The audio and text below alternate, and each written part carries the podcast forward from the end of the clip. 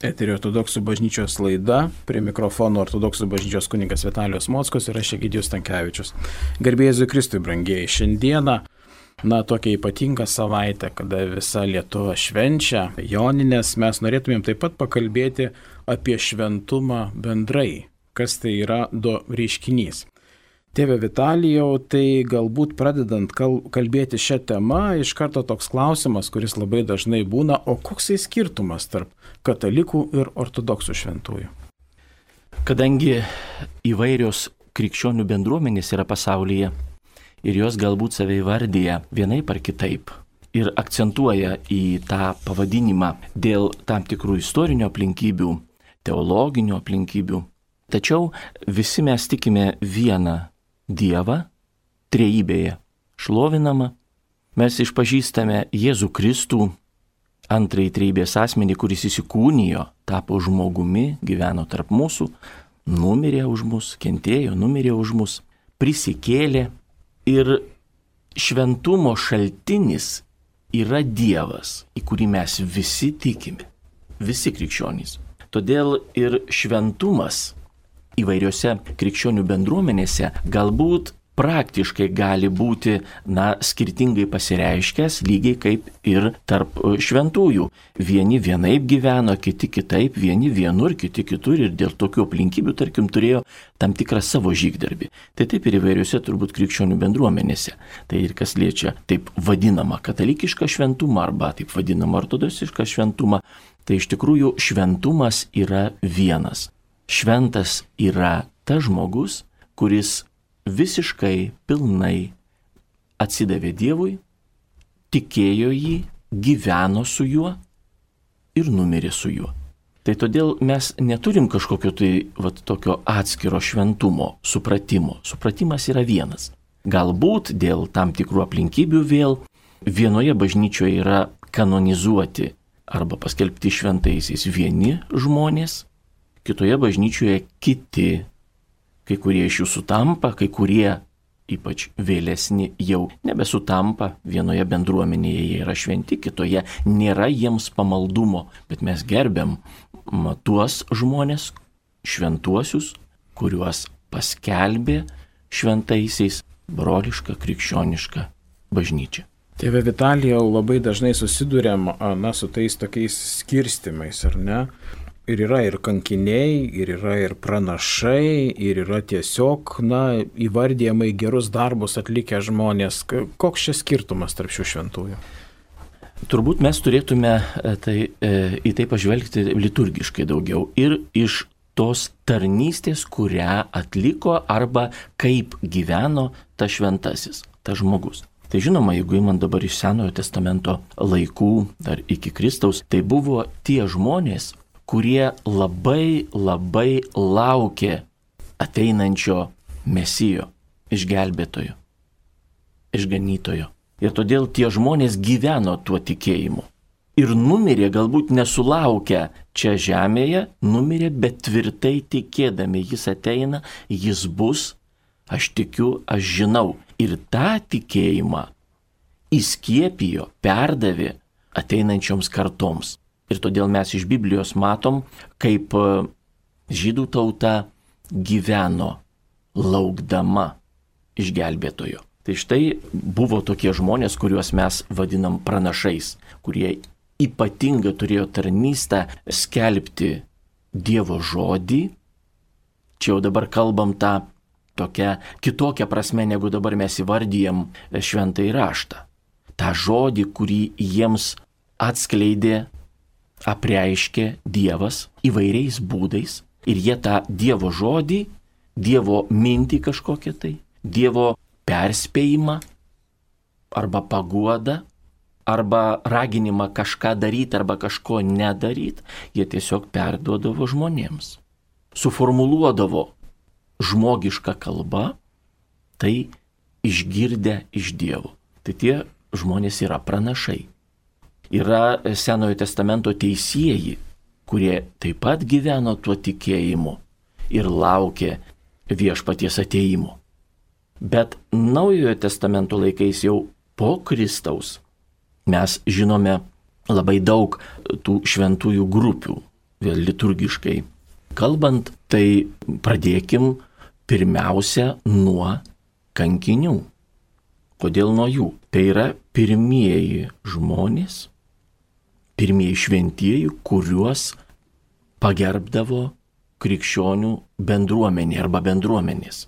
Iš pradžių e, net nežinodavo apie vieni kitų kankinius, paskui jau, kada prasidėjo tokia intensyvesnė komunikacija, kada paplito krikščionybė, tai ir tada pradėjo pasakoti vieni kitiems užrašyti ir, ir dalintis tą patirtimi, kad ir mūsų bendruomenė buvo tokie šventieji kankiniai. Kankiniai tai tie krikščionys, kurie tiek atsidavė Dievui, jog net ir gyvybė jų gyvenimas nebuvo vertingesnis už Jėzų, vertingesnis už tikėjimą. Ir jie nedėjo ant svarstyklių, kas nusvers, tai gal čia tikėsiu, bet liksiu, būsiu nužudytas arba, nu, pasakysiu, kad netikiu, pasakysiu, kad man tai nesvarbu ir liksiu gyvas. Tėve Vitalijau, galbūt šiek tiek šią vietą iliustruotumėt, nes yra labai nuostabi tokia šventė ortodoksų bažnyčioje, kada švenčiama kankinių, kurie savo tikėjimo neįsižadėjo, nors buvo įvyti į vandens telkinį žiemos metu. Tai iš tikrųjų kariai buvo. Tai kariai, e, jų 40 karių ir štai įsivaizduokim karius, kurie, na, koks jų gyvenimas buvo, kokia jų būtis buvo, kokie jie patys buvo, kada reikėjo, na, ginti savo šalį, dalyvauti mūšiuose, Ir tadagi kokie ginklai buvo dabar, iš toli šaudai ir net nematai to žmogaus, kurio tavo kabutėse dėka jau nebėra, nes tu jį užmušiai, nužudėjai tokiais nuotoliniais ginklais. O tada tai buvo va taip akis į akį. Ir jie tiesioginė ta žodžio prasme kasdien matė kraują. Ir žmogaus psichika turėtų tai na, atlaikyti arba net laikyti. Ir tie žmonės būdavo ir nužmogėdavo visai. Tokie tapdavo visiškai bejausmiai, grubus, kasdien matydami ir praliedami kraują. Bet e, tikėjimas davė jiems stiprybės. Jie vis dėlto liko žmonėmis. Ir kada tikrai jau persekiojimų metu pamatė, kad ir pastebėjo, kad jie yra krikščionys. Ir sako, kaip čia taip, jie yra uždrausti. Krikščionių ta bendruomenė, krikščionių tikėjimas mūsųse net vadino krikščionys bedieviais. Ir išsižadėkit, nes jums bus blogai.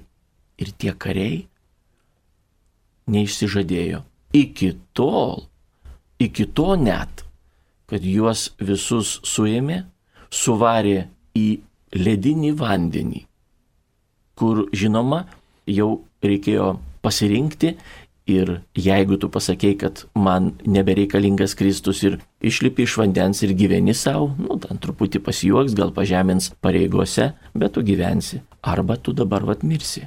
Bet tu jaunas, tu turi šeimą, tu turi gyvenimo planų, svajonių, negyvendintų dar išeina iki to, iki dabar Dar visas gyvenimas, sakykime, prieš akį ir štai tau sako, dabar tu mirsi, jeigu tu neišsižadėsi savo tikėjimo ir Jėzaus. Ir tie kariai neišsižadėjo. Vienas išlipo, vienas sako, ne, aš jau nebe krikščionis, supratau, na ir išlipo. Tai kitas žmogus, čia irgi labai įdomus toks reiškinys krikščionybėje, kariai, kurie saugojo juos, kad jie neišliptų iš vandens ir ten sušaltų, o paskui jau ir prigertų, paskandino juos. Matė regėjimą. Jam pagoniui, kariui buvo toks regėjimas, kad ant šitų vandenyje stovinčių 39 likusių karių nusileidžia tokie švytintys vainikai. Iš dangaus taip nusileidžia iš, iš aukštai ant jų galvų. Jų vainikų 40 o karių liko 39.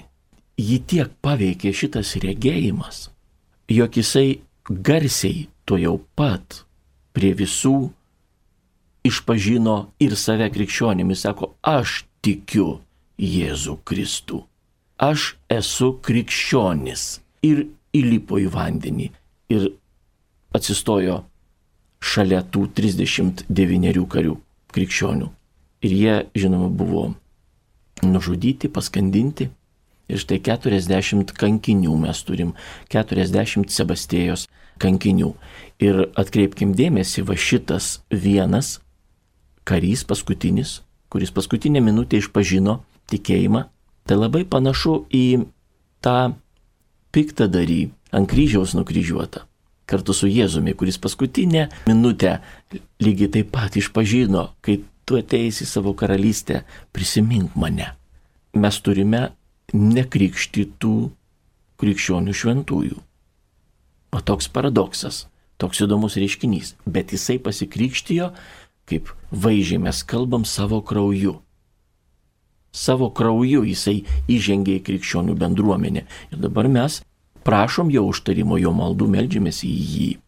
Taigi tokie kankiniai net gyvybės nepagailėjo, ne turto, ne pinigų kažkokiu, tai ne dar kažko irgi galbūt brangaus, svarbaus gyvenime, o net gyvybės nepagailėjo. Žinoma, tarp šventųjų mes dar turime labai ypatingą ir nedidelę, nedidelę grupę šventųjų, tai yra paštalai. Tai yra tie Kristaus mokiniai, kurie buvo kartu su juo, arba truputį vėliau pašaukti, kaip, e, tarkim, apaštalas Paulius, kuris su Jėzumi nebuvo, kol jis dar čia žemėje su mumis gyveno. Bet paskui prisijungė. Ir dabar mes žinom, kad pusė knygų Naujojo testamento parašyta jo yra.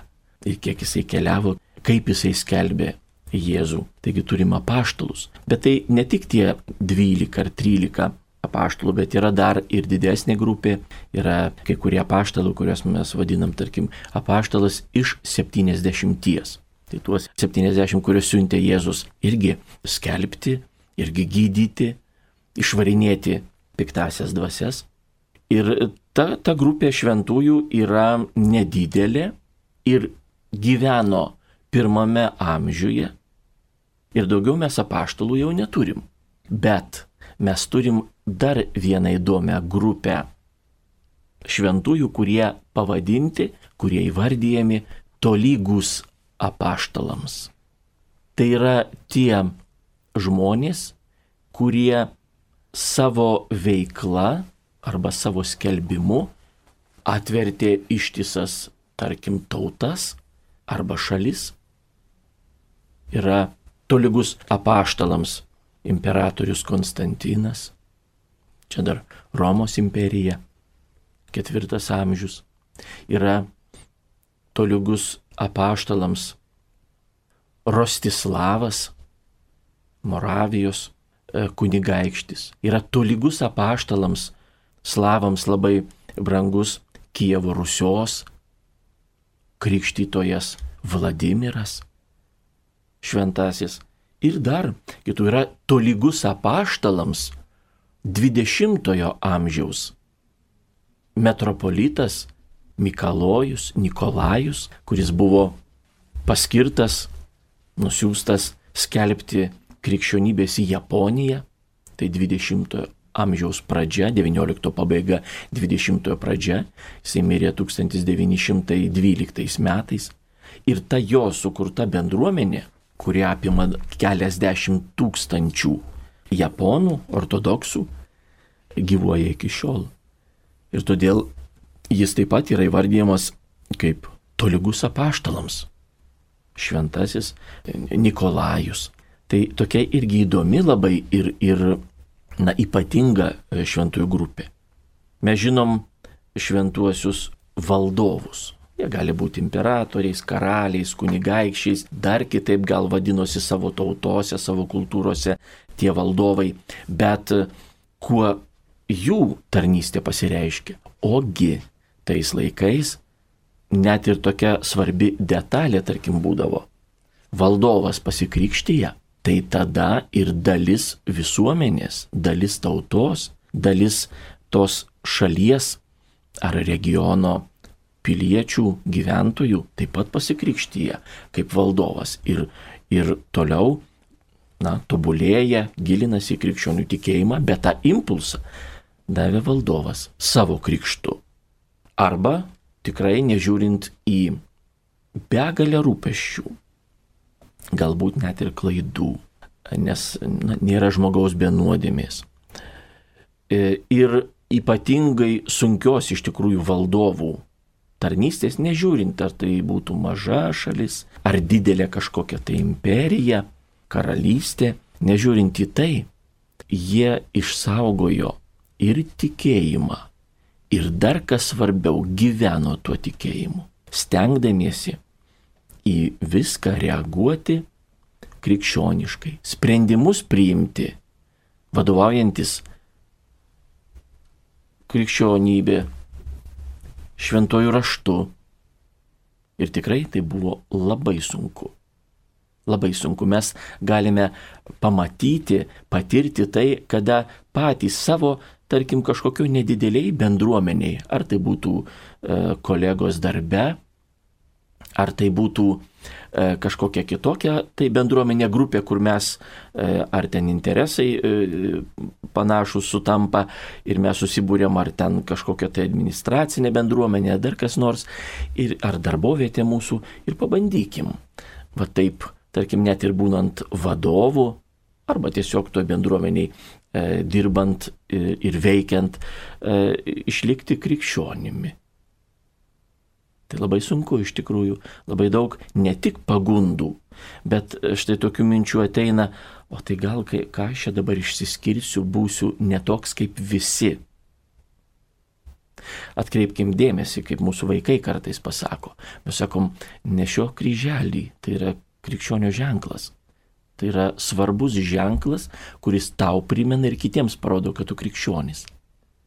Ir neretai vaikai nesideda kryželio eidami į mokyklą, nusijima jį, kad nepamatytų kiti, nes jisai labai išsiskirs.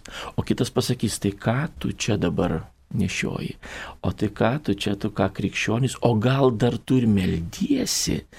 Ir kažkur tai pasigirs juokas, o gal ir patyčios ir, ir neištveria, nusima kryželį Tai štai tokiuose aplinkybėse mes, kur vat, mūsų mastai tai kokie palyginus.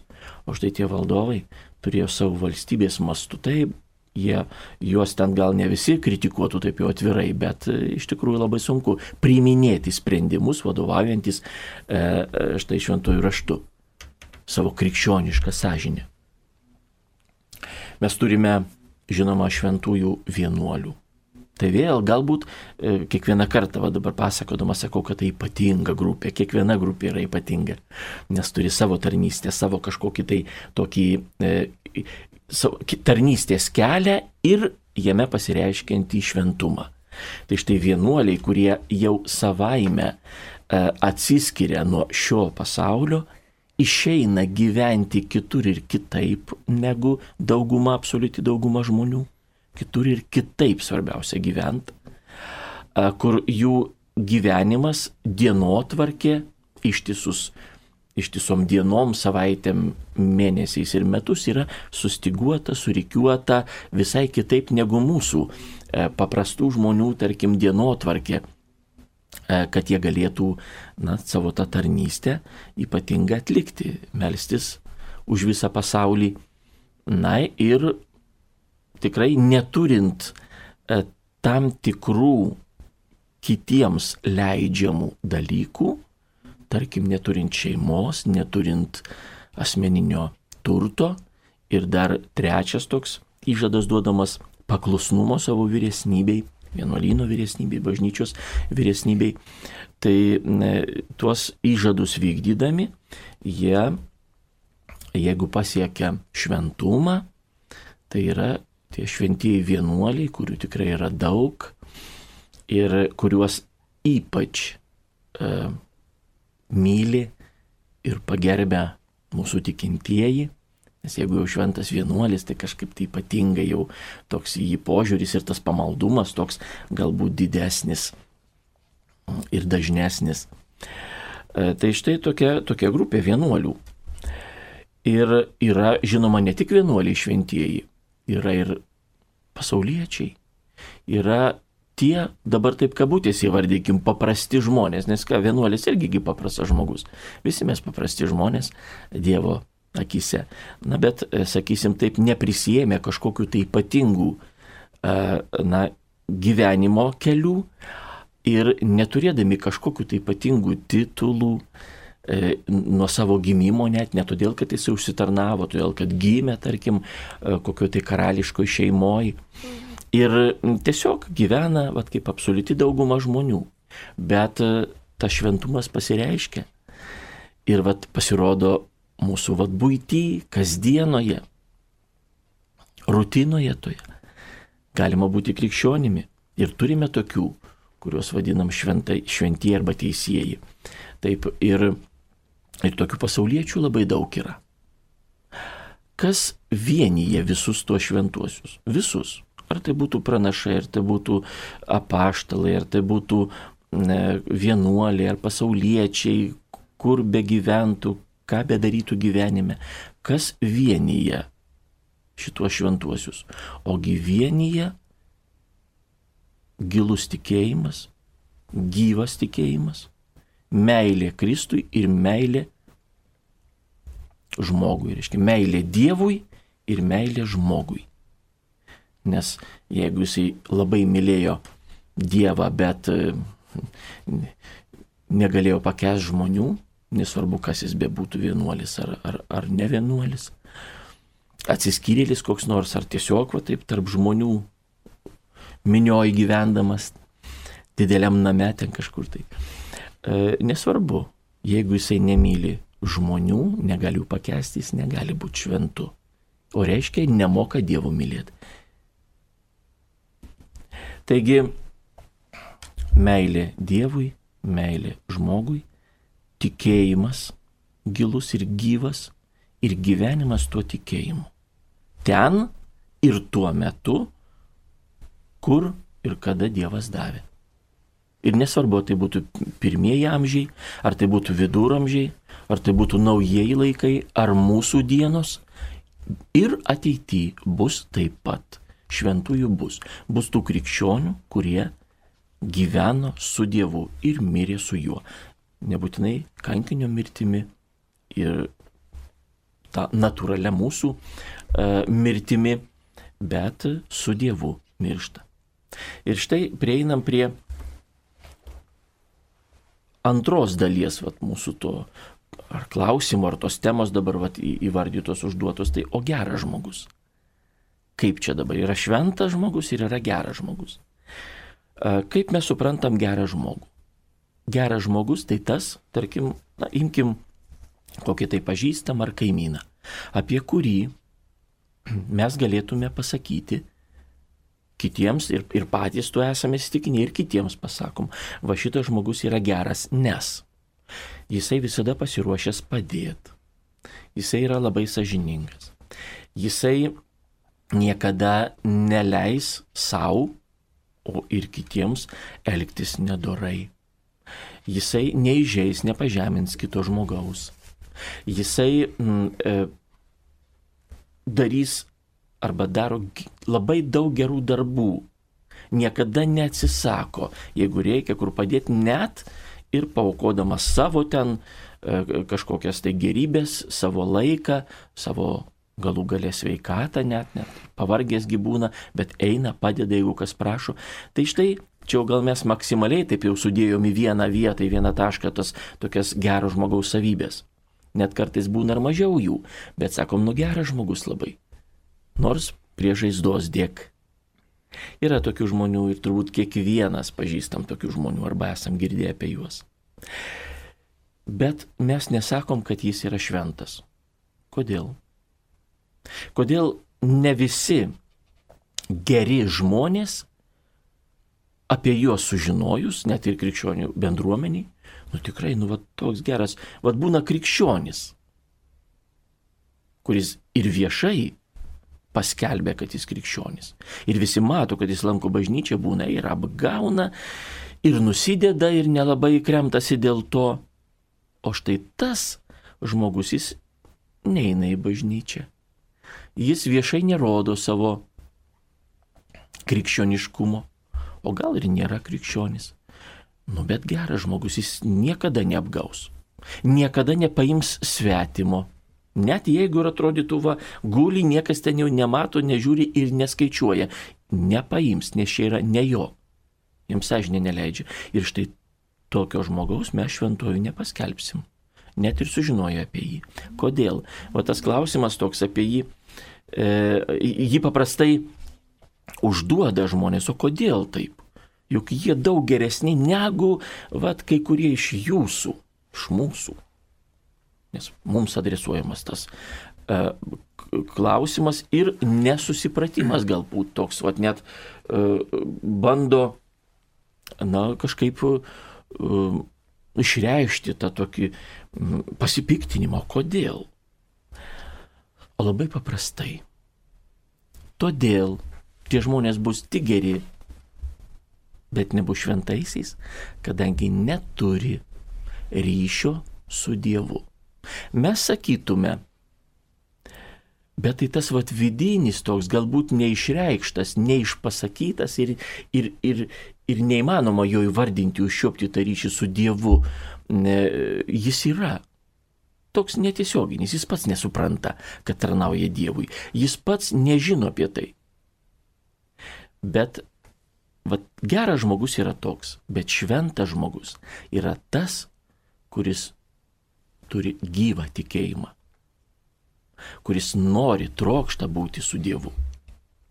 Pat jisai bus šventas, o netikintis, bet tas, kurį nors prie žaizdos dėk, bus geras žmogus ir tiek. Nes geras žmogus atkeliavęs laikui atėjus į dangaus karalystę, kada Dievas jau pakviečia visus atsakyti už savo darbus, už tai, ką gyvenime mes esam padarę ar nepadarę. Na štai jisai Kristaus ten ir nepažins. Jisai neturėjo tų ryšių su Dievu, reiškia, mes jau kalbėjom vieną kartą vienoje laidoje apie tas savybės, kurios reikalingos dangaus karalystiai. Dar čia žemėje mes turėtume jas jau išsiugdyti, užsiaugint, įgyt, Ir jeigu nėra tų savybių, tas žmogus negalės ten būti tiesiog, pat kaip mes pripratę kvėpuoti plaučiais ir deguonimi, jeigu mus nuleisk po vandeniu, mes to jau pat žūsim. O žuvis ten kuo puikiausiai jaučiasi ir kvėpuoja, todėl kad jos turi savybės ten gyventi. O jeigu žuvį paimsim ir norėsim laikyti e, pas save kur nors ten ant palangės, bet be vandens jinai tuo jau pat žus. Todėl, kad neturi savybių gyventi vat, tokioje aplinkoje, kokioje mes esam.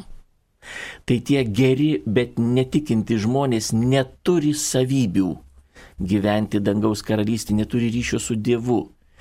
Galbūt net tiesiogiai jo nepripažįsta. Na arba tiesiog nesusimasto apie tai. Tačiau čia reikia dar vėl pabrėžti, akcentuoti vieną labai svarbų dalyką. Ne mums spręsti, kas bus dangui, o kas bus dangaus karalystiai, e, o kas bus už jos ribų, jeigu tokios yra. Taigi čia Dievui spręsti ir Dievas būna ir tą kankinį, ir tą piktą darį su Jėzumi nukryžiuotą, paskutinę minutę prieimė dangaus karalystę o būna krikščionis visą gyvenimą.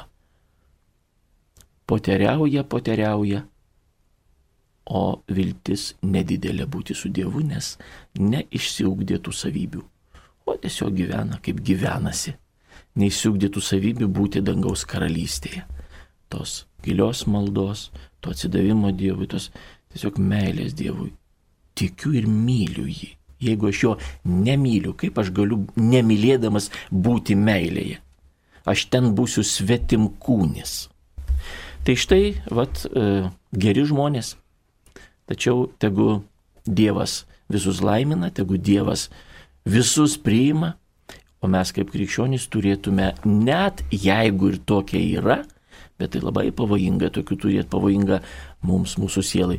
Jeigu mes ir priešų, kokiu turime, mes privalom, jeigu esam krikščionys, linkėti jiems gero ir dangaus karalystės, kad visi ten būtume.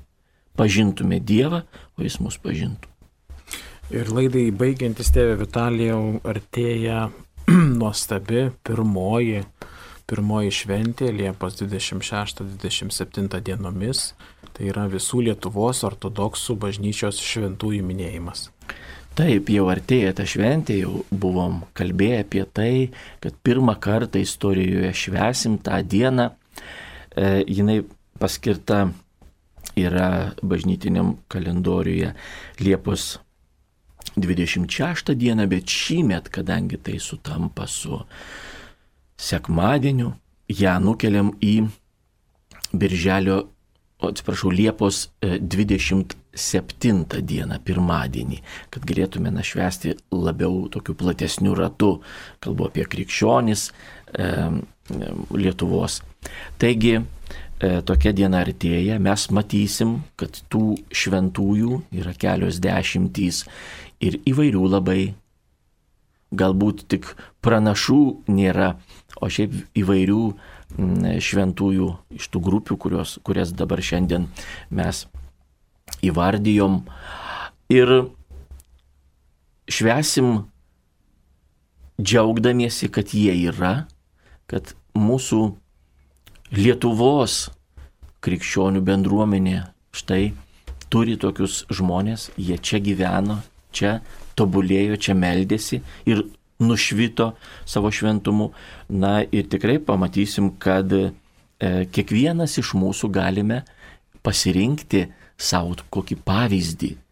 Va, iš čia tarp mūsų, nesvarbu kokiu laiku, bet tarp mūsų gyvenusių žmonių, jų tarnystę pasižiūrėti, e, pamastyti apie tai, o kaip aš galiu žvelgdamas į, į juos, e, šiandien, būtent šiandien ir būtent aš krikščioniškai gyventi. Ten daugybė, daugybė nuostabių pavyzdžių galim rasti. Žinoma, visi šventieji mums yra pavyzdžiai, bet ypatingai vis dėlto tas žmogiškas faktorius turbūt mums artimi tikrai yra tie, kurie, kurie vat, gyveno čia šalia, kurie gyveno mūsų šaly, mūsų krašte, galbūt mūsų miestelį ar mieste, ar kokio kitoj vietoviai.